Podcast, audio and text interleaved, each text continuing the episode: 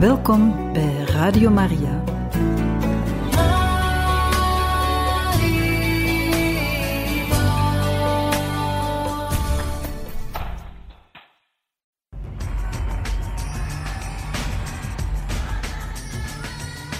In nome del Padre, del Figlio e dello Spirito Santo.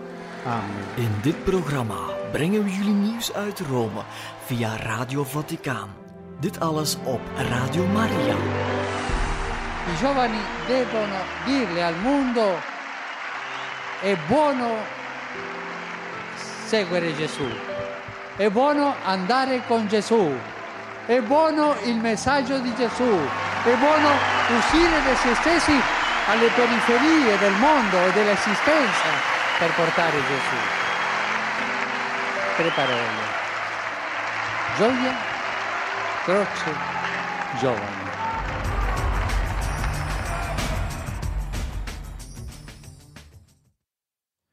Van harte welkom, beste luisteraars van Radio Maria, bij het programma Radio Vaticaan, waar wij samen zullen kijken naar de pauselijke en Vaticaanse actualiteit. We gaan vandaag zeker luisteren naar de woorden van Heilige Vader tijdens de catechese die hij gegeven heeft tijdens de generale audiëntie van woensdag 8 maart waar we een stukje konden meevolgen via Radio Vaticaan live. Deze werd opnieuw gehouden op het Sint-Pietersplein in Vaticaanstad. En de paus die ging na een weekje die hij genomen heeft samen met de medewerkers van de Romeinse curie om in deze veertig dagen tijd ruimte te maken voor het gebed en voor meditatie, terug verder over het thema van de apostolische ijver of de passie tot evangelisatie. En daar gaan we vandaag dus verder in. Alvorens we dat gaan doen, gaan we binnen in het Apostolische Paleis en gaan eh, kijken naar de audiënties die de Heilige Vader in de afgelopen dagen heeft verleend.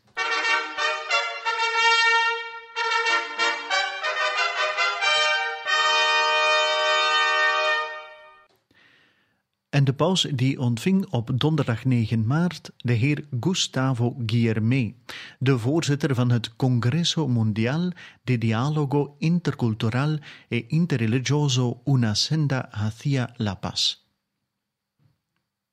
Ook Monsignor Claudio Giugerotti, prefect van het dicasterie voor de Oosterse kerken, werd in audiëntie ontvangen.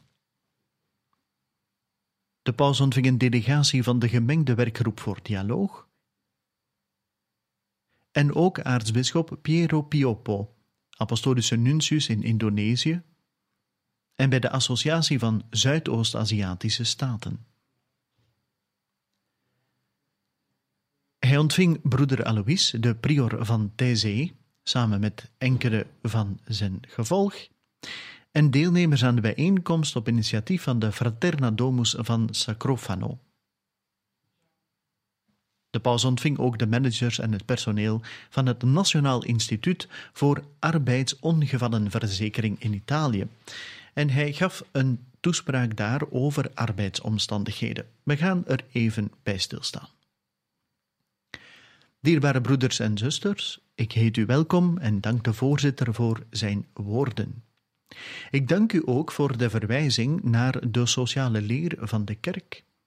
Ik verwelkom deze bijeenkomst om uw inzet aan te moedigen, die, zoals de voorzitter zei, gericht is op de opbouw van een samenleving waarin niemand achterblijft.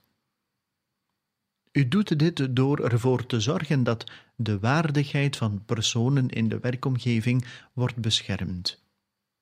Wij weten dat het niet altijd en niet overal het geval is. Vaak wordt de last van een ongeval op de schouders van de familie gelegd. En deze verleiding uit zich in verschillende vormen. Door de recente pandemie is het aantal klachten in Italië toegenomen, met name in de sectoren gezondheidszorg en vervoer. Ik dank u voor de extra zorg die u op het hoogtepunt van de gezondheidscrisis hebt verleend, met name aan de meest kwetsbare bevolkingsgroepen. de laatste maanden is ook het aantal ongevallen met vrouwen toegenomen, wat ons eraan herinnert dat de volledige bescherming van vrouwen op de werkplek nog niet is bereikt. En ook op dit punt zou ik zeggen, is er een preventieve ontmoediging van vrouwen uit angst om bijvoorbeeld zwanger te worden. Een vrouw is minder veilig omdat ze zwanger kan worden. Hieraan wordt gedacht op het moment dat men haar in dienst neemt. Als ze zwanger wordt, is het beter dat je haar weg kan sturen. Het is een mentaliteit en daar moeten wij tegen vechten. Het werk van uw instituut is dubbel waardevol, zowel aan de opleidingskant om arbeidsongevallen te voorkomen, als aan de kant van de begeleiding van gewonden en concrete ondersteuning van hun familieleden. De dienst waar u zich voor inzet zorgt ervoor dat niemand zich in de steek gelaten voelt, en dit is van doorslaggevend belang. Zonder bescherming wordt de samenleving steeds meer een slaaf van de afvalcultuur. Ze geeft uiteindelijk toe aan de utilitaire visie op de mens, in plaats van zijn of haar waardigheid te erkennen. De enorme logica die verspreid wordt, kan samengevat worden in de zin: je bent pas iets waard als je produceert. Zo tellen enkel degenen die erin slagen het radarwerk van de activiteit te blijven laten draaien en de slachtoffers worden aan de kant gezet, als een last beschouwd en toevertrouwd aan de goedhartigheid van de families. De encycliek Fratelli Tutti wijst erop dat verspilling zich op verschillende manieren manifesteert zoals in de obsessie om de arbeidskosten te verlagen zonder zich rekenschap te geven van de ernstige gevolgen die dit veroorzaakt. Want de werkloosheid die hierdoor ontstaat, heeft als rechtstreeks gevolg dat de grenzen van de armoede worden verruimd. Een van de gevolgen van het niet investeren in veiligheid op de werkplek is de toename van het aantal ongevallen. Tegenover deze mentaliteit mogen we niet vergeten dat het leven geen prijs heeft. De gezondheid van een persoon kan niet worden ingeruild voor een paar extra extra winst of iemands individuele belang. En we moeten er helaas aan toevoegen dat een aspect van de wegwerpcultuur de neiging is om de slachtoffers de schuld te geven. We zien dit voortdurend. Een manier van rechtvaardigen, een teken van de menselijke armoede waarin onze relaties dreigen te vervallen als we de juiste hiërarchie van waarden verliezen, waarin de waardigheid van de menselijke persoon bovenaan zou moeten staan. Dierbare vrienden, uw aanwezigheid vandaag laat ons toe na te denken over de betekenis van werk en hoe het mogelijk is in verschillende historische contexten de parabel van de barmhartige Samaritaan uit het Evangelie te begrijpen. De zorg voor de kwaliteit van het werk en voor de plaatsen en het vervoer is van fundamenteel belang om de centrale plaats van de persoon te bevorderen Wanneer het werk wordt gedegradeerd, verarmt de democratie en worden de sociale banden losser. Het is belangrijker voor te zorgen dat de veiligheidsvoorschriften worden nageleefd. Zij mogen nooit als een last of een overbodig iets worden beschouwd.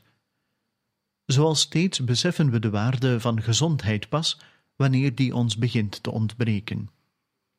Hulp kan ook komen van het gebruik van technologie.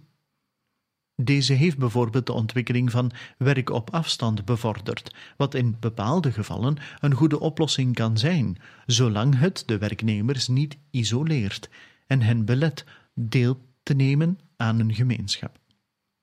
De duidelijke scheiding van gezins- en werkomgeving heeft niet alleen negatieve gevolgen gehad voor het gezin, maar ook voor de werkcultuur. Het heeft het idee versterkt dat het gezin de plaats van consumptie is en de onderneming de plaats van productie. Maar dat is te simplistisch.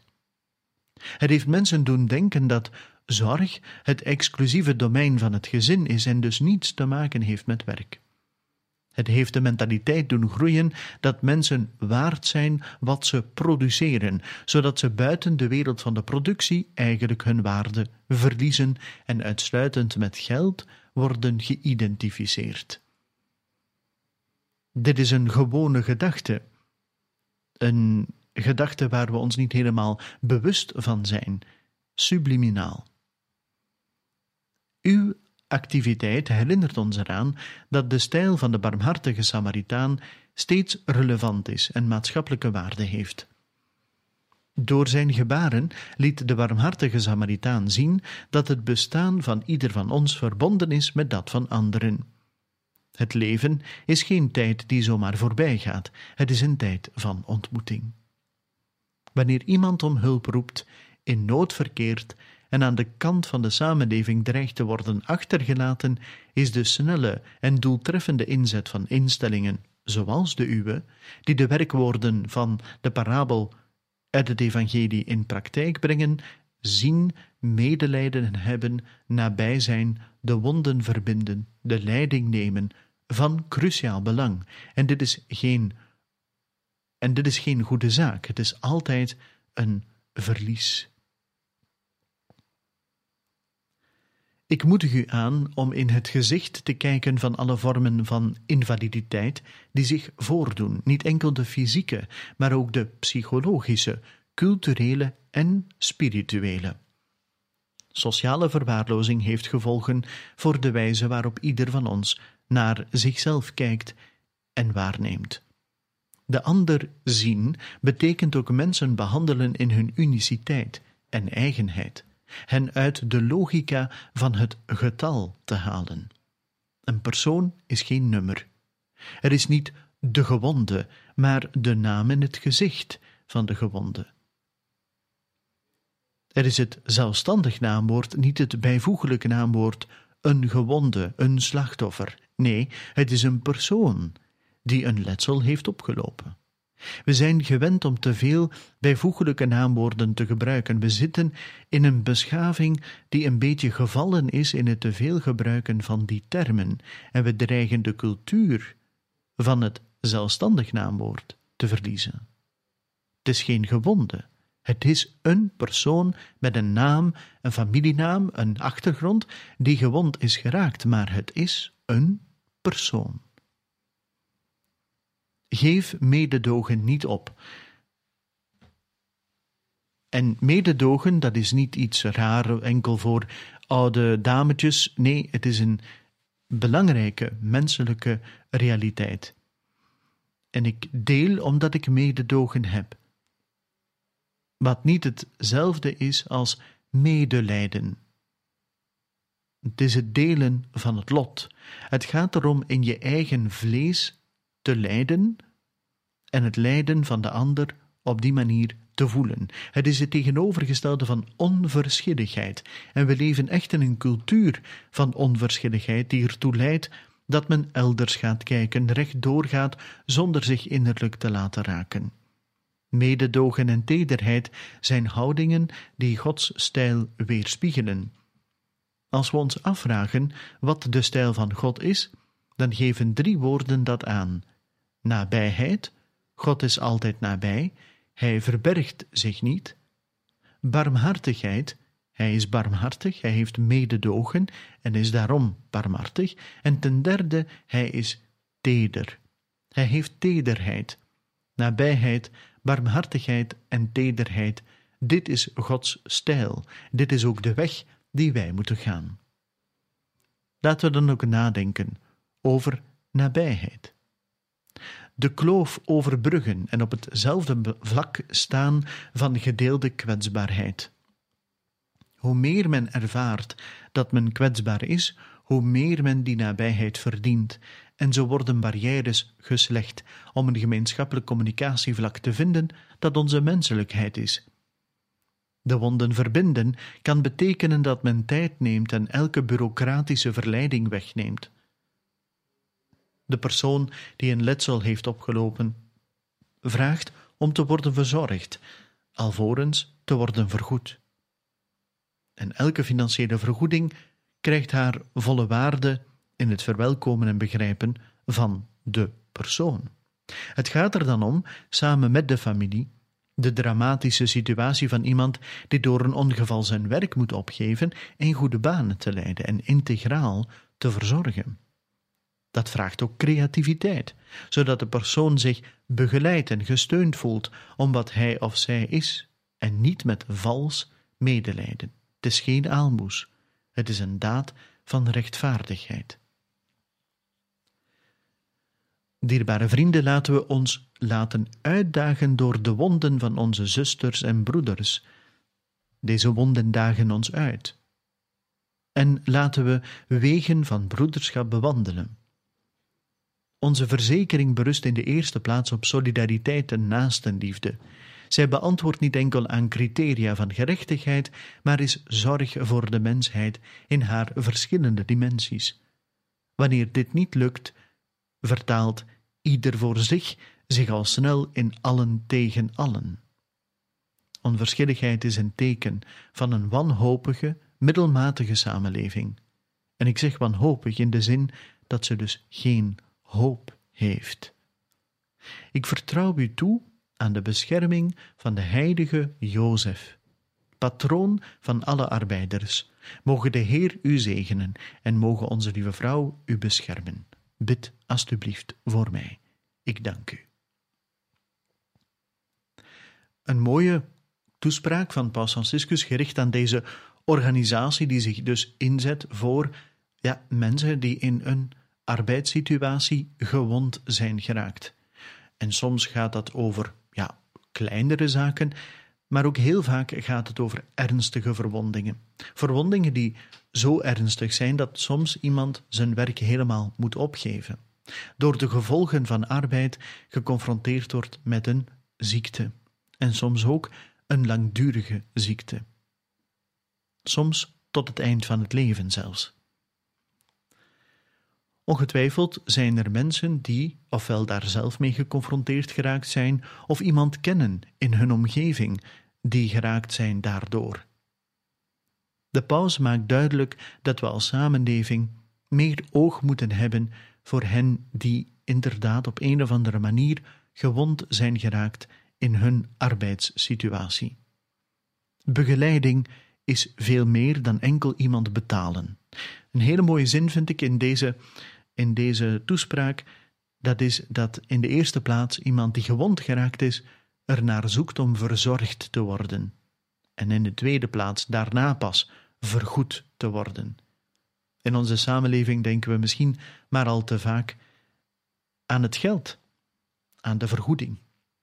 En dat dat het eerste is dat moet geregeld worden. Een oproep van de Heilige Vader om de sociale leer van de kerk beter te leren kennen en begrijpen.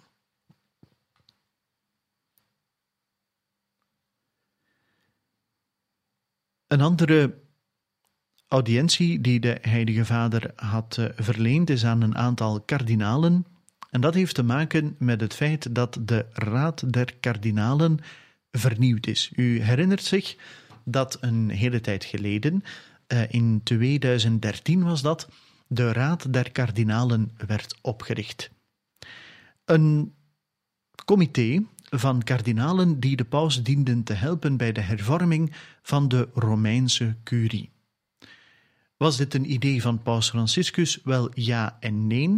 Het was een idee dat reeds naar voren was gekomen tijdens de bijeenkomsten van de kardinalen. Op het moment dat Paus Benedictus XVI had aangegeven dat hij dus niet langer het Petrusambt zou waarnemen, zou opnemen, is er dus heel uitzonderlijk in de kerk eigenlijk een maand geweest waar eh, kardinalen konden samenkomen om te overleggen welke welk profiel eigenlijk de toekomstige paus zou moeten hebben. En een van de zaken die in die besprekingen naar boven zijn gekomen, was de noodzaak tot de hervorming van de Romeinse curie. In de loop van het pontificaat van Paus Franciscus, waar we trouwens deze maand een, een tien jaar op de teller kunnen plaatsen, zijn er heel wat veranderingen geweest. Hij heeft een aantal afdelingen eh, afgeschaft, samengevoegd, hij heeft er andere opnieuw opgericht en dan kwam er natuurlijk de apostolische constitutie, de grondwet, zeg maar, van het Vaticaan, die grote veranderingen maakte in de verschillende departementen van het Vaticaan. Ook de belangrijkheid van die departementen is veranderd. En dat is dus het werk van die Raad der Kardinalen die de paus daarbij heeft uh, bijgestaan. In 2013 ging het daarbij over kardinaal Oscar Andrés Rodríguez Maradiaga uit Honduras, kardinaal Giuseppe Bertello uit Italië, kardinaal Reinhard Marx uit Duitsland, kardinaal Francisco Javier Errázuriz Ossa uit Chili, kardinaal Laurent Monsengwo Passigna uit Congo, Kinshasa. En kardinaal George Pell uit Australië. Verder ook kardinaal Oswald Gracious, de aartsbisschop van Bombay, kardinaal Sean Patrick O'Malley, de aartsbisschop van Boston, Verenigde Staten is dat, en dan Bombay is natuurlijk India, kardinaal staatssecretaris Pietro Parolin, die kwam erbij in 2014, hij is afkomstig uit Italië. In 2020 werd de opvolger van uh, kardinaal Monsengwo, uh, kardinaal Ambongo Besungu, die we beter hebben leren kennen tijdens de apostolische reis van Paus Franciscus in Congo, de huidige aartsbisschop van Kinshasa, toegevoegd aan de Raad der Kardinalen. En dan was er ook nog als secretaris een uh, bisschop, Marco Bellino, die afkomstig was uit Italië liever en die dus dienst deed als secretaris voor de Raad der Kardinalen. Er zijn nu wat verschuivingen. Het wil zeggen dat um, kardinaal uh, Maradiaga, Bertello, kardinaal Marx, Ossa, uh, Monsengo Passigna en George Pell uiteraard geen deel meer uitmaken van de Raad der Kardinalen. Ofwel heeft het te maken met het feit dat ze werden verwijderd uit hun functie of overleden zijn. En vanaf nu zullen daar enkele figuren worden aan toegevoegd. Onder meer kardinaal Jean-Claude Ollerich. Hij is een jezuïet, de huidige aartsbisschop van Luxemburg. Hij heeft dus ook eh, een kardinaalse creatie gekregen van paus Franciscus. Een figuur die um, ook rond de bisschoppensynode wel wat te doen zal krijgen. Dan is er uh, kardinaal uh, Gérald Lacroix, de aartsbisschop van Quebec uit Canada. Hij zal het uh, team van zeg maar de raad vervoegen. Ook kardinaal Juan José Omela Omela, de huidige aartsbisschop van Barcelona in Spanje, komt erbij. Hij zal vervoegd worden door een andere Spanjaard, dat is eh, kardinaal Fernando Verges Alzaga, de voorzitter van de Pauselijke Commissie voor Vaticaanstad, en door een Braziliaan, kardinaal Sergio da Roca, aartsbisschop van São Salvador da Bahia in Brazilië.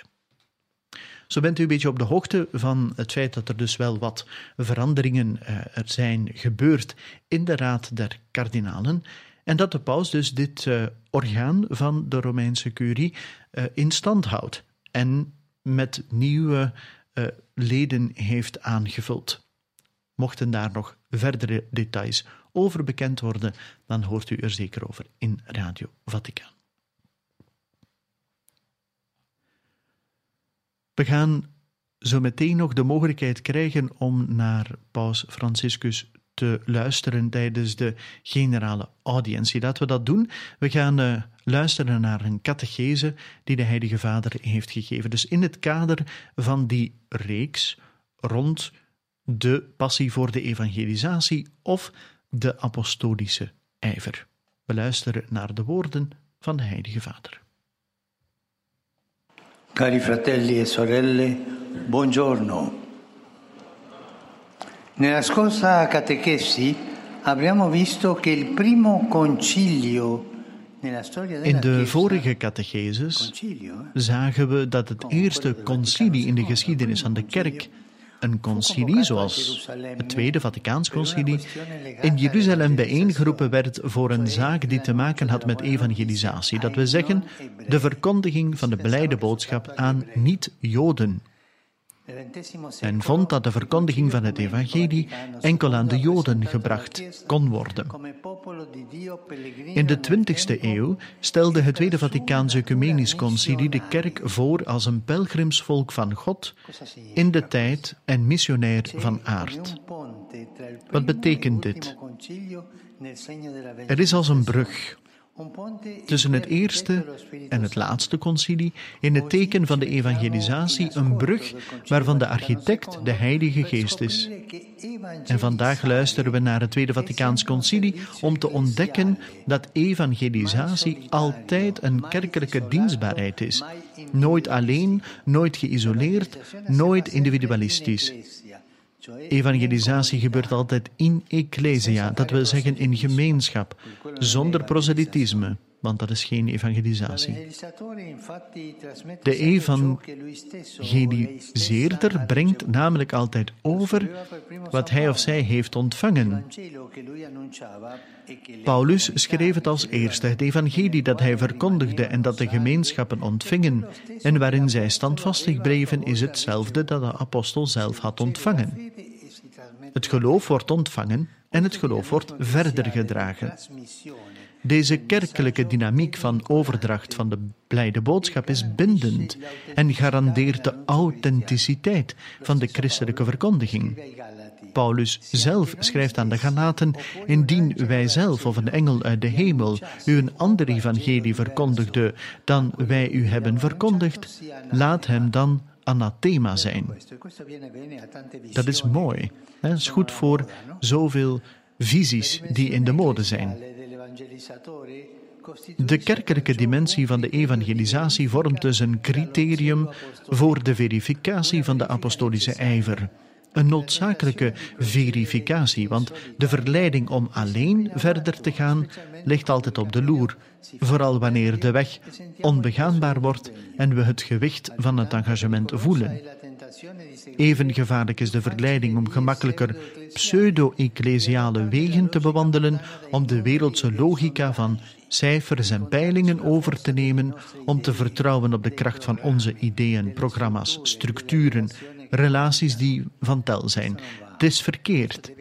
Moet een beetje helpen, maar fundamenteel is de kracht die de geest je geeft om de waarheid van Jezus Christus te verkondigen, om het evangelie te verkondigen, de andere dingen zijn secundair. Al dus Paus Franciscus. Hij spreekt dus over de kerkelijke dimensie van de evangelisatie, die als een criterium is voor de verificatie van de apostolische ijver. Echte apostolische ijver, hoe kan je weten of dat nu echt is? Wel, het criterium is dat er een kerkelijke dimensie is. Een noodzakelijke verificatie, want de verleiding om alleen verder te gaan ligt altijd op de loer, vooral wanneer de weg onbegaanbaar wordt en wij het de zwaarte, het gewicht van het engagement voelen. En dan even gevaarlijk, zegt de Heilige Vader, is de verleiding om pseudo-ecclesiale wegen te bewandelen. Met andere woorden, om de wereldse logica van peilingen, cijfers, hè, te gaan zeggen, ja, maar de meerderheid zegt. Of uh, het eigenlijk te gaan zien als een soort van parlement, als een democratie terwijl dat dat niet kerkelijk is. Om te gaan vertrouwen op de kracht van onze eigen ideeën, een eigen logo, een slogan, programma, structuur. Nee, zegt de Heilige Vader, fundamenteel is de kracht die de Heilige Geest je geeft om de waarheid van Jezus Christus te verkondigen, want dat is het Evangelie. Al de rest is het niet. We gaan samen met Paus Franciscus het Angelus bidden en komen daarna graag bij u terug. Dan gaan we nog verder in deze catechese van Paus Franciscus, dus over de evangelisatie. Dat is voor zo dadelijk. Angelus Domini nunciavit Mariae. Et concepit Spiritu Sancto. Ave Maria, grazia plena, Dominus tecum, benedicta tui mulieribus et benedictus fructus ventris tui, Iesus. Santa Maria, Mater Dei, ora pro nobis peccatoribus, nunc et in hora mortis nostre. Amen. Ecce ancilla Domini. Fiat mi secundum verbum tuum. Ave Maria, grazia plena, Dominus tecum, benedicta tui mulieribus, et benedictus fructus ventris tui, Iesus. Santa Maria, Mater Dei, ora pro nobis peccatoribus, nunc et in hora mortis nostre. Amen.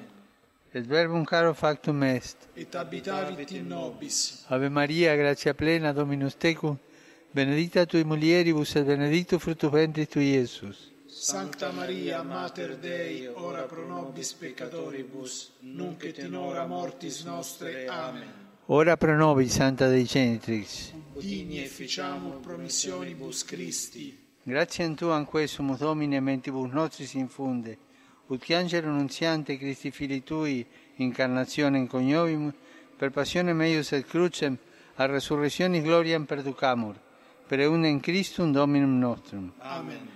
Gloria Patri et Filio et Spiritui Sancto. Sicut erat in principio et nunc et semper et in saecula saeculorum. Amen. Gloria Patri et Filio et Spiritui Sancto. Sicut erat in principio et nunc et semper et in saecula saeculorum. Amen. Gloria Patri et Filio et Spiritui Sancto. Sicut erat in principio et nunc et semper et in saecula saeculorum. Amen.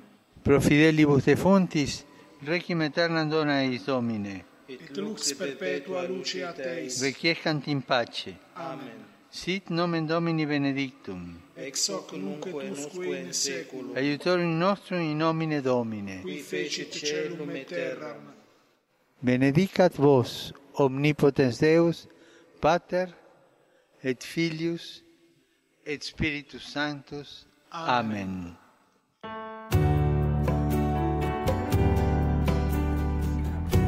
Welkom bij Radio Maria.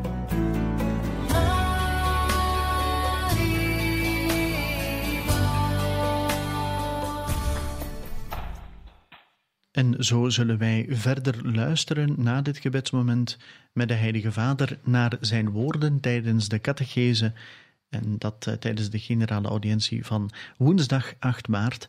We gaan verder met uh, zijn onderricht over het Tweede Vaticaans Concilie.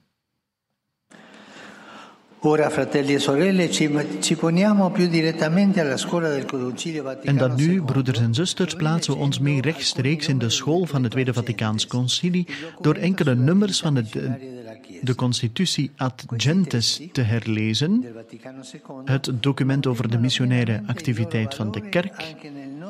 Deze teksten van Vaticanum II behouden ten volle hun waarde, zelfs in onze complexe en pluriforme context. En allereerst nodigt dit document ad gentes ons uit om de liefde van God de Vader te beschouwen als een bron die door zijn immense en barmhartige, bevrijdende welwillendheid ons schept en ons bovendien door genade roept om te delen in zijn leven en glorie.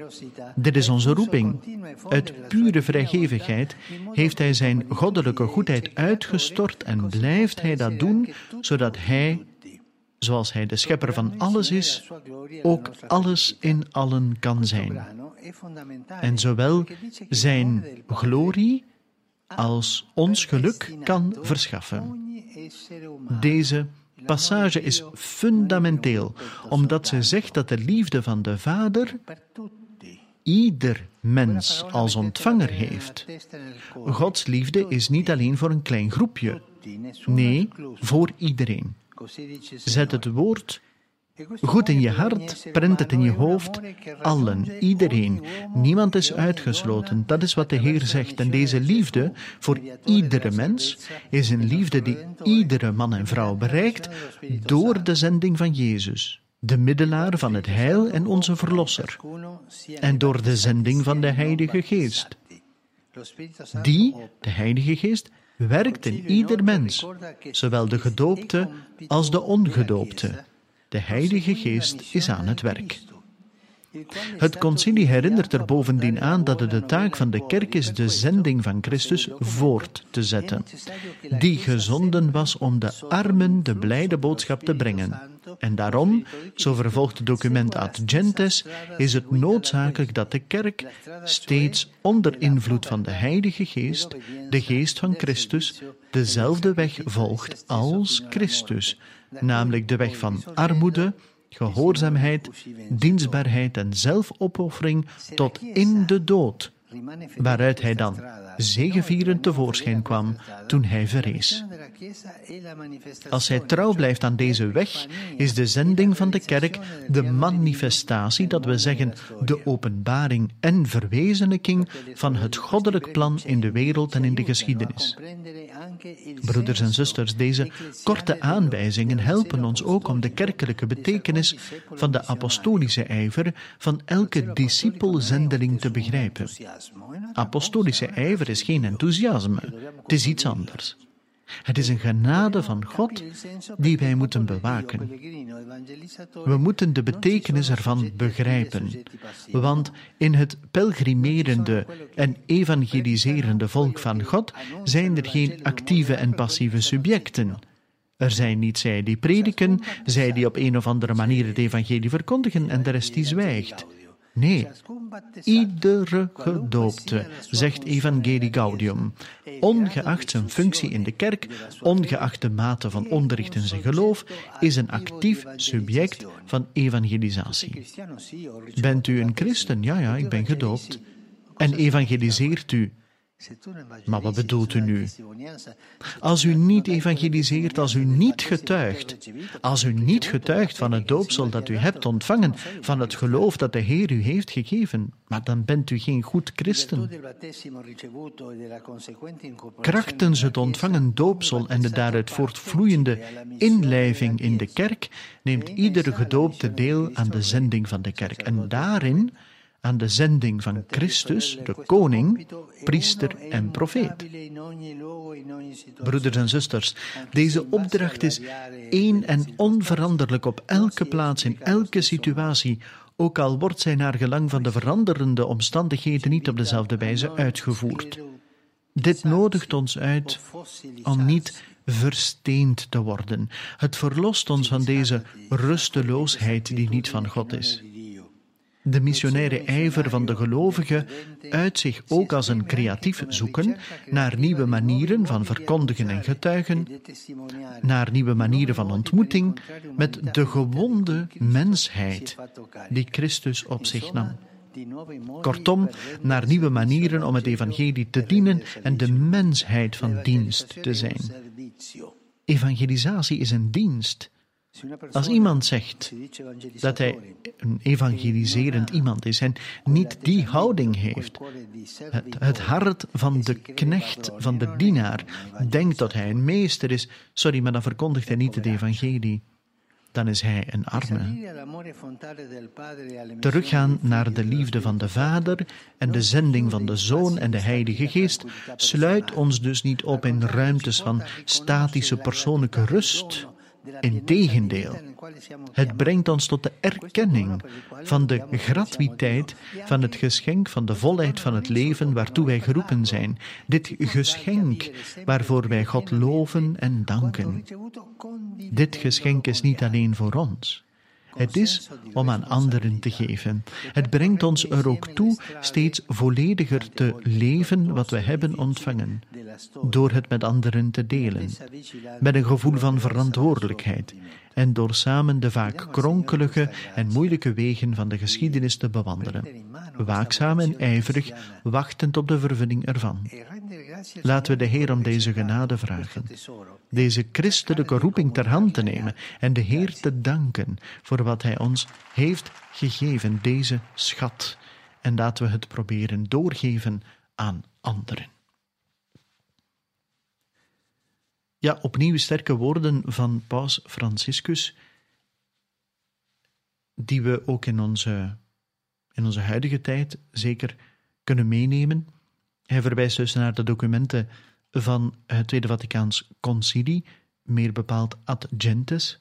Hij heeft daar ook alle puntjes die u heeft gehoord, zijn eigenlijk citaten uit de, ja, de verschillende nummers zeg maar, van dit document. En hij zegt toch wel sterke dingen. In de eerste plaats is een ieder geroepen om het evangelie te verkondigen. Een ieder, ongeacht uw functie, ongeacht uw, de manier waarop dat u een bepaald onderricht hebt ontvangen, geloven in Jezus Christus, dat Hij gekomen is voor onze zonden, om ons daarvan te verlossen, ons te verlossen van de dood, is opgestaan op de derde dag. Dat zijn dingen waar u van kunt getuigen. Ongeacht uw plaats, ongeacht het onderricht dat u al dan niet hebt ontvangen. En het is natuurlijk goed om onderricht te ontvangen, om dat ook te verrijken, zeer zeker. Maar de Heilige Vader zegt: zij die niet verkondigen en niet getuigen, kunnen geen goede christenen zijn. Zeker iets om over na te denken in de komende tijd. We zijn aan het einde gekomen van deze aflevering van Radio Vaticaan. We hebben voor u nog de Vaticaanse hymne klaarstaan met enkele benoemingen die gebeurd zijn in de afgelopen dagen.